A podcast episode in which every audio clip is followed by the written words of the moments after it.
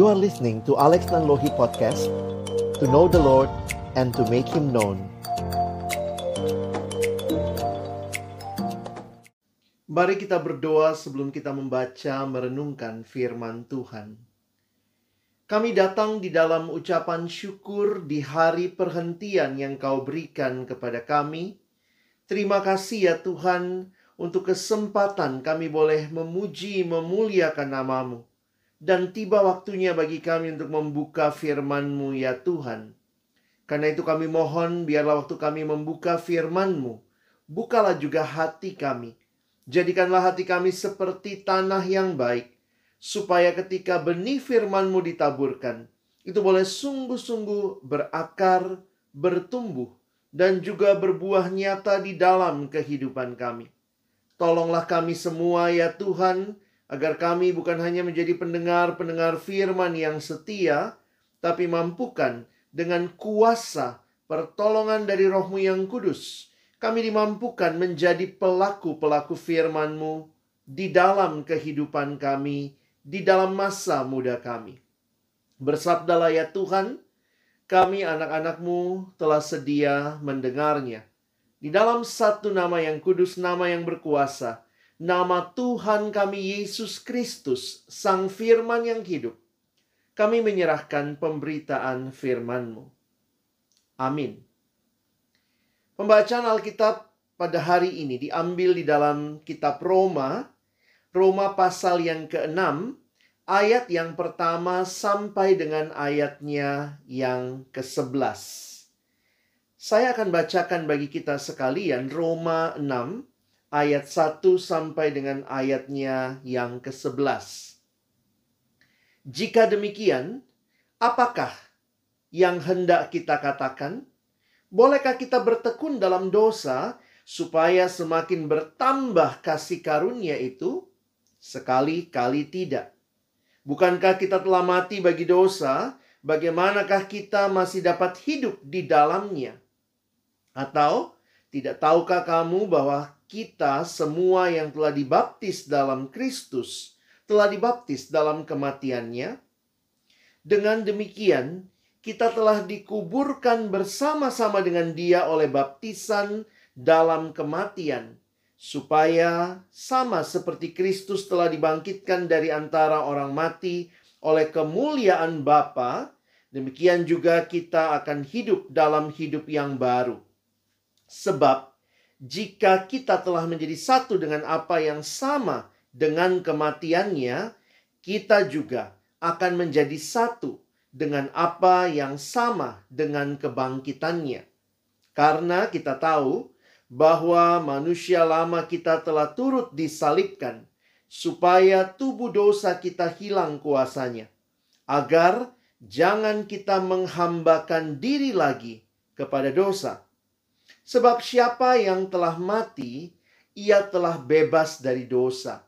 Jadi, jika kita telah mati dengan Kristus, kita percaya bahwa kita akan hidup juga dengan Dia, karena kita tahu bahwa Kristus, sesudah Ia bangkit dari antara orang mati, tidak mati lagi, maut tidak berkuasa lagi atas Dia, sebab kematiannya adalah kematian terhadap dosa satu kali dan untuk selama-lamanya, dan kehidupannya adalah kehidupan bagi Allah. Demikianlah hendaknya kamu memandangnya bahwa kamu telah mati bagi dosa, tetapi kamu hidup bagi Allah dalam Kristus Yesus. Sedemikian jauh pembacaan Alkitab, berbahagialah kita yang bukan hanya membacanya, namun merenungkannya, melakukannya dalam kehidupan kita, dan bahkan membagikannya. Saudara-saudara yang dikasihi dalam Tuhan Yesus Kristus, saya pernah membaca satu t-shirt yang dimiliki oleh anak muda dengan tulisan yang selalu saya ingat sampai hari ini. Di dalam t-shirt itu tertulis masa kecil bahagia, muda foya-foya, tua kaya raya, mati masuk surga. Saudara yang dikasihi Tuhan, kalau ada hidup seperti itu, mungkin saya yang daftar pertama kali. Tetapi hidup tidaklah demikian. Kadang-kadang kita berpikir, Asik sekali ketika hidup masa muda kita bebas melakukan apa pun. Tetapi kemudian kita sadar bahwa kebebasan yang sejati bukanlah bebas melakukan apa saja yang kita mau, tetapi bebas di dalam keterikatan, keterikatan kepada Allah. Inilah juga yang menjadi bagian yang Paulus sampaikan di dalam Roma pasal yang ke-6 sesuai dengan tema yang kita pikirkan pada hari ini tentang titik temu. Kita ada di dalam dunia yang menawarkan begitu banyak kebebasan. Dan kemudian ada juga orang-orang yang melihat di dalam Alkitab, bukankah Tuhan memberikan kebebasan bagi kita dengan pengampunan dan anugerahnya yang berlimpah-limpah, kasih karunia-Nya yang luar biasa. Tapi di sisi lain, di dalam Alkitab yang sama yang kita miliki, Allah juga mengingatkan akan dosa, bahwa Allah akan menghukum hal itu dan juga ada konsekuensi dari dosa yang dilakukan. Bagaimana kita melihat titik temu akan hal ini? Saya mengajak kita belajar bersama-sama di dalam kitab Roma pasal yang ke-6 ini ketika pergumulan yang sama nampaknya dialami oleh jemaat yang Paulus surati. Setelah Paulus menjelaskan tentang anugerah Allah yang luar biasa di dalam Roma mulai pasal yang pertama sampai dengan pasal yang kelima bahwa keselamatan kita terima dengan cuma-cuma di dalam Yesus Kristus.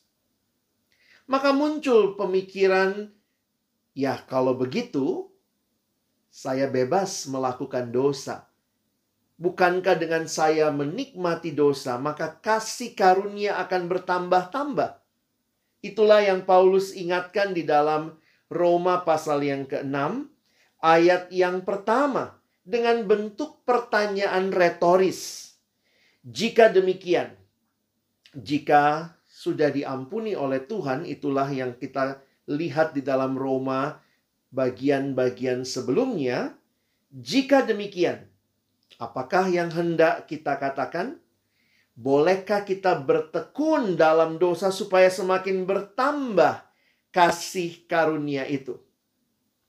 Saudara yang dikasihi Tuhan, ada dua ekstrim yang dimiliki oleh orang-orang yang mengerti akan dosa di dalam kehidupannya dan juga memahami akan pengampunan Allah di dalam kehidupannya.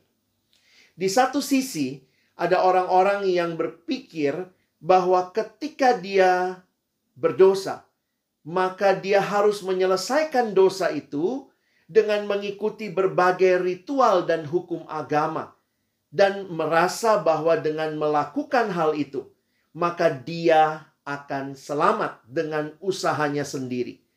Nampaknya itu juga yang muncul di dalam kehidupan orang-orang Kristen yang waktu itu dari latar belakang Yahudi. Mereka punya hukum Taurat dan mereka berpikir bahwa dengan mentaati hukum Taurat mereka mendapat keselamatan. Sehingga di satu sisi kita mengenal yang disebut dengan legalisme. Orang-orang yang berpikir bahwa dengan mentaati hukum-hukum Taurat, maka mereka bisa selamat dengan usaha mereka mentaati hukum Taurat. Namun di sisi yang lain ada lagi kelompok yang melihat kalau betul Yesus sudah menyelamatkan saya, maka kalau begitu saya bebas tanpa hukum. Liberalisme atau dalam bahasa yang lain dikatakan antinomian, antinomos, anti hukum. Kalau betul saya sudah diselamatkan dan kasih karunia itu telah diberikan kepada saya, maka sekarang saya bebas, bebas melakukan apa saja yang saya mau. Jadi di satu ekstrim yang merasa bahwa dia bisa selamat dengan begitu banyak hukum yang dia taati, dan di ekstrim yang lain yang melihat, bukankah saya sudah menerima anugerah? Saya bebas melakukan apa pun yang saya mau.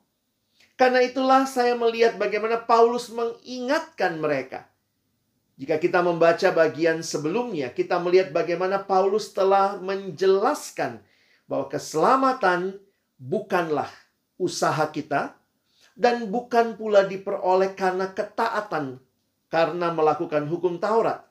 Itulah yang sudah dipaparkan Paulus di dalam Roma pasal yang ketiga, pasal yang keempat, sampai pasal yang kelima.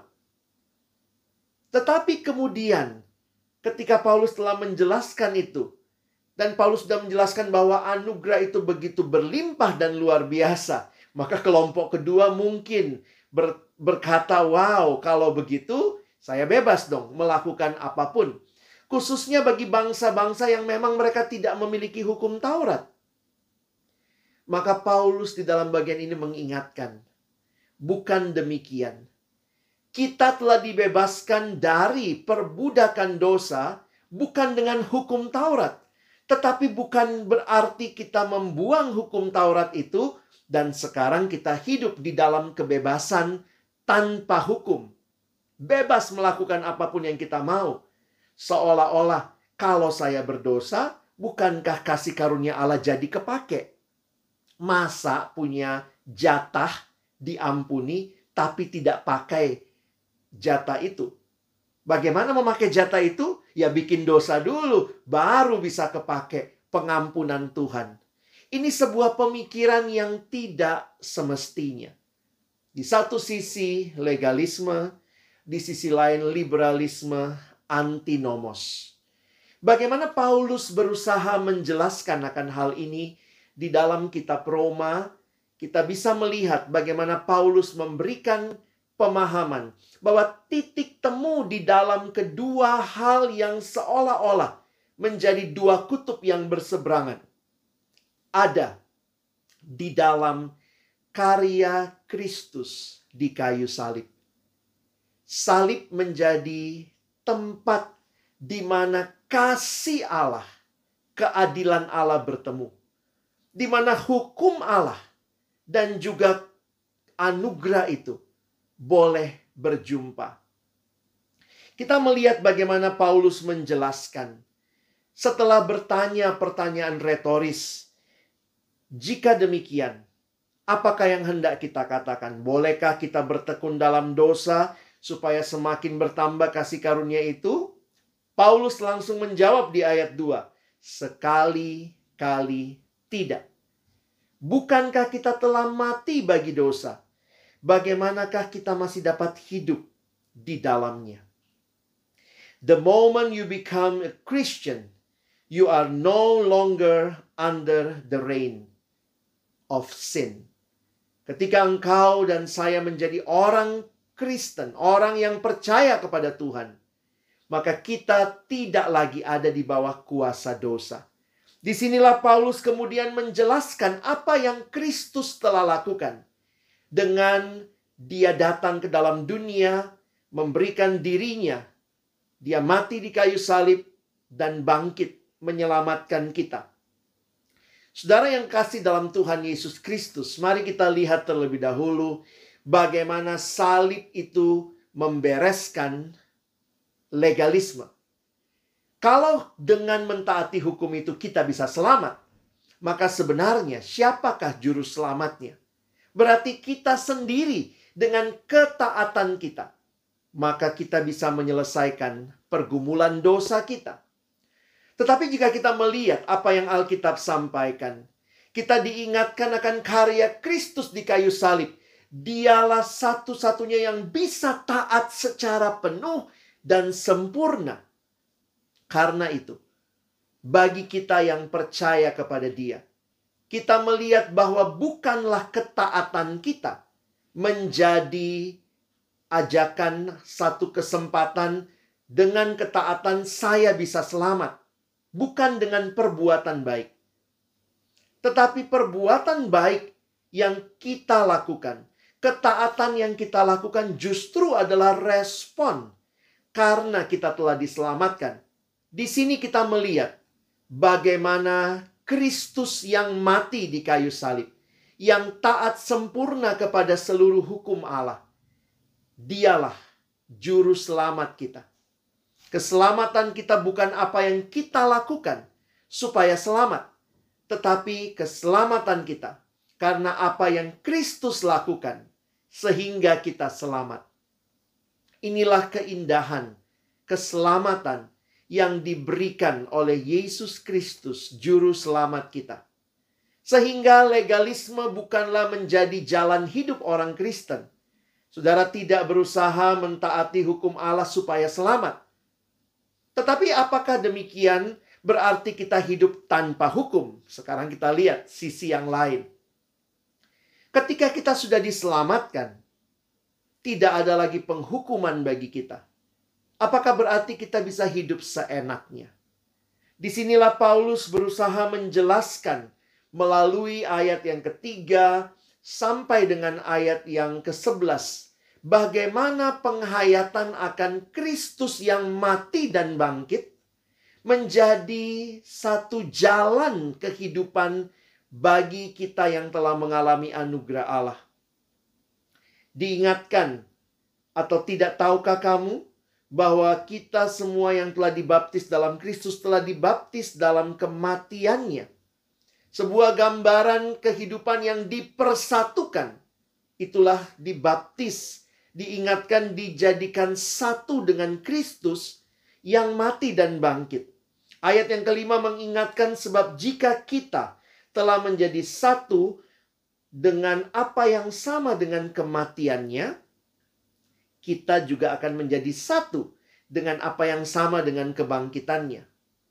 Mengapa Paulus mengingatkan orang percaya di Roma akan kematian dan kebangkitan Kristus. Hal ini bukanlah sebuah fakta sejarah belaka, tetapi Paulus mengingatkan ini sebagai sebuah makna kehidupan yang baru. Betul, Yesus telah mati dan bangkit, tetapi kematian dan kebangkitannya bukanlah sesuatu yang hanya pengetahuan bagi orang percaya, tetapi merupakan sebuah pengalaman iman yang diberikan melalui karya Roh Kudus di dalam hidup kita yang percaya. Perhatikan di dalam ayat yang ke-9 dan ayat yang ke-10. Karena kita tahu bahwa Kristus sesudah ia bangkit dari antara orang mati, tidak mati lagi maut tidak berkuasa lagi atas dia. Sebab kematiannya adalah kematian terhadap dosa satu kali dan untuk selama-lamanya dan kehidupannya adalah kehidupan bagi Allah. Bagi Paulus, kematian Yesus adalah kematian terhadap dosa dan kebangkitan Yesus, kehidupannya adalah kehidupan bagi Allah. Perhatikan bagaimana Paulus mengkaitkan hal ini dengan pengalaman iman orang percaya. Di ayat yang ke-11 Paulus menyimpulkan, demikianlah hendaknya kamu memandangnya bahwa kamu telah mati bagi dosa, tetapi kamu hidup bagi Allah dalam Kristus Yesus. Yesus mati terhadap dosa maka kita yang bersatu dengan Dia, kita pun mati bagi dosa, dan Yesus yang bangkit dan Dia hidup bagi Allah, maka kita yang bersatu dengan kebangkitannya, kita pun bangkit dan hidup bagi Allah. Itulah yang Paulus ingatkan kepada kita. Bahwa setelah kita menerima hidup yang baru, kita mengalami pengampunan dalam Kristus, kita tidak lagi boleh hidup seenaknya. Tetapi kita mengalami karya Kristus di dalam kehidupan beriman kita. Mati terhadap dosa dan hidup bagi Allah. Bukan berarti hidup tanpa aturan, tetapi aturan-aturan yang ada menjadi bagian yang kita taati sebagai respon karena dosa kita telah diampuni dan kita telah menerima keselamatan dari Allah. Saudara yang dikasihi Tuhan, inilah titik temu. Karya Kristus di kayu salib membuat kita tidak perlu lagi melihat bahwa hukum-hukum itu menjadi syarat supaya kita selamat. Tetapi karya yang sama membawa kita juga untuk hidup benar, bukan hidup seenaknya tanpa hukum. Inilah kehidupan beriman kita. Ketaatan bukanlah syarat keselamatan, tetapi ketaatan adalah respon karena kita sudah diselamatkan. Saudara yang dikasihi Tuhan, saya coba membayangkan kehidupan Kristen yang perlu kita jalani setelah kita menerima Yesus, menerima karya anugerahnya. Kita tidak melakukan berbagai hal sebagai sebuah aturan yang kita taati supaya selamat. Apakah saudara baca Alkitab supaya selamat? Rajin saat teduh setiap hari supaya selamat. Rajin ibadah gereja supaya selamat. Jika demikian, kita masih hidup dalam legalisme. Lalu bagaimana kita melihatnya? Kita selamat hanya karena karya Kristus bagi kita di kayu salib. Dan karena kita sudah diselamatkan, ayo kita baca Alkitab. Itu respon dari hidup yang diselamatkan. Ayo kita rajin bersekutu. Itu respon dari hidup yang sudah diselamatkan. Karena Tuhan memanggil kita untuk menikmati relasi dengannya dan dengan saudara-saudara seiman setelah kita diselamatkan. Secara sederhana saya sering memberikan ilustrasi ini. Bayangkan saudara tinggal di rumah dengan papa mamamu. Pagi-pagi saudara bangun, saudara nyapu, saudara ngepel, beresin kamar, bantu mama di dapur, masak, bantu papa mungkin cuci kendaraan. Pertanyaan saya, saudara lakukan itu supaya jadi anak atau karena saudara anak? Oh, beda sekali.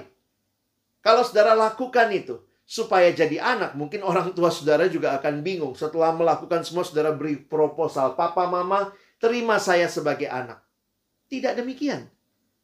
Tetapi karena saudara anak di rumah, maka respon yang saudara lakukan, saudara belajar untuk mentaati berbagai hal yang ada jadi aturan di rumah, saudara melakukan berbagai hal yang baik, sebagai respon karena saudara sudah diselamatkan sebagai anak di rumah tersebut. Demikian juga hidup beriman kita. Sekali lagi, titik temu itu ada pada pribadi Kristus yang membawa setiap kita yang percaya bukan lagi hidup legalisme, taati hukum supaya selamat, tetapi kita juga tidak menjadi orang yang hidup dalam liberalisme, karena sudah selamat, silakan lakukan dosa apa saja. Toh sudah selamat, pasti diampuni. Inilah yang Tuhan mau bagi setiap kita yang telah diselamatkan. Hargai anugerah itu dan hiduplah mentaati hukum Allah sebagai sukacita. Justru karena itu adalah respon dari hidup yang telah diselamatkan. Saudara yang dikasihi Tuhan, Mengerti anugerah Tuhan bukanlah membawa kita hidup seenaknya, tetapi membawa kita untuk benar-benar mempersembahkan seluruh hidup kita yang terkecil sekalipun hanya kepada Tuhan. Jika saudara melanjutkan ayat-ayat yang kita baca tadi, di dalam ayat 13 dan 14, Paulus melanjutkan dengan mengatakan, dan janganlah kamu menyerahkan anggota-anggota tubuhmu kepada dosa untuk dipakai sebagai senjata kelaliman, tetapi serahkanlah dirimu kepada Allah sebagai orang-orang yang dahulu mati, tetapi yang sekarang hidup. Dan serahkanlah anggota-anggota tubuhmu kepada Allah untuk menjadi senjata-senjata kebenaran. Sebab kamu tidak akan dikuasai lagi oleh dosa, karena kamu tidak berada di bawah hukum Taurat, tetapi di bawah kasih karunia. Apakah saudara masih hidup di dalam dosa? Masih hidup di dalam ketidakkudusan, dalam kecemaran, di dalam hidup yang tidak menyenangkan Tuhan? Dengan pemahaman, wow, saya sudah diselamatkan. Ini hidup saya, saya bebas melakukan yang saya mau. Toh saya sudah diselamatkan. Jika itu cara hidup kita, Bukan demikian yang Alkitab ingatkan kepada kita. Bagi saudara dan saya yang dosanya telah diampuni, mari serahkan seluruh anggota tubuh kita untuk melayani Allah yang hidup. Bukankah kita telah mati bagi dosa? Dan harusnya kita hidup bagi Allah. Kiranya Yesus Kristus, titik temu yang membawa saudara dan saya, bukan hidup mengagungkan hukum sebagai syarat keselamatan, tetapi melihat hukum sebagai respon karena sudah diselamatkan. Kita hidup dalam sukacita karena ketaatan kita adalah ketaatan kepada Juru Selamat yang telah memberikan segalanya bagi kita. Maka kita pun mau mempersembahkan segalanya bagi Dia. Tuhan menolong kita. Bukan hanya jadi pendengar firman, tapi jadi pelaku-pelaku firman. Mari kita berdoa. Bapa Surgawi terima kasih buat firman-Mu. Tolong kami ya Tuhan. Boleh melihat hidup kami, masa muda kami. Di mana kami mengenal Yesus. Sehingga kami tidak lagi hidup diperbudak di dalam berbagai peraturan ketaatan supaya selamat. Tetapi kami hidup di dalam anugerah. Anugerah yang bukan membuat kami hidup sembarangan. Hidup tidak taat kepada Tuhan, tetapi anugerah yang membawa hidup kami makin hari makin menikmati relasi denganmu dan bahkan rela menyerahkan seluruh hidup kami taat dengan sukacita kepada kehendakmu Tuhan karena engkau telah memberikan segalanya bagi kami maka biarlah seluruh hidup kami pun bagi kemuliaanmu terima kasih tolong kami bukan cuma jadi pendengar firman. Jadikan kami pelaku-pelaku firman-Mu. Di dalam nama Tuhan Yesus, kami bersyukur, kami berdoa. Amin.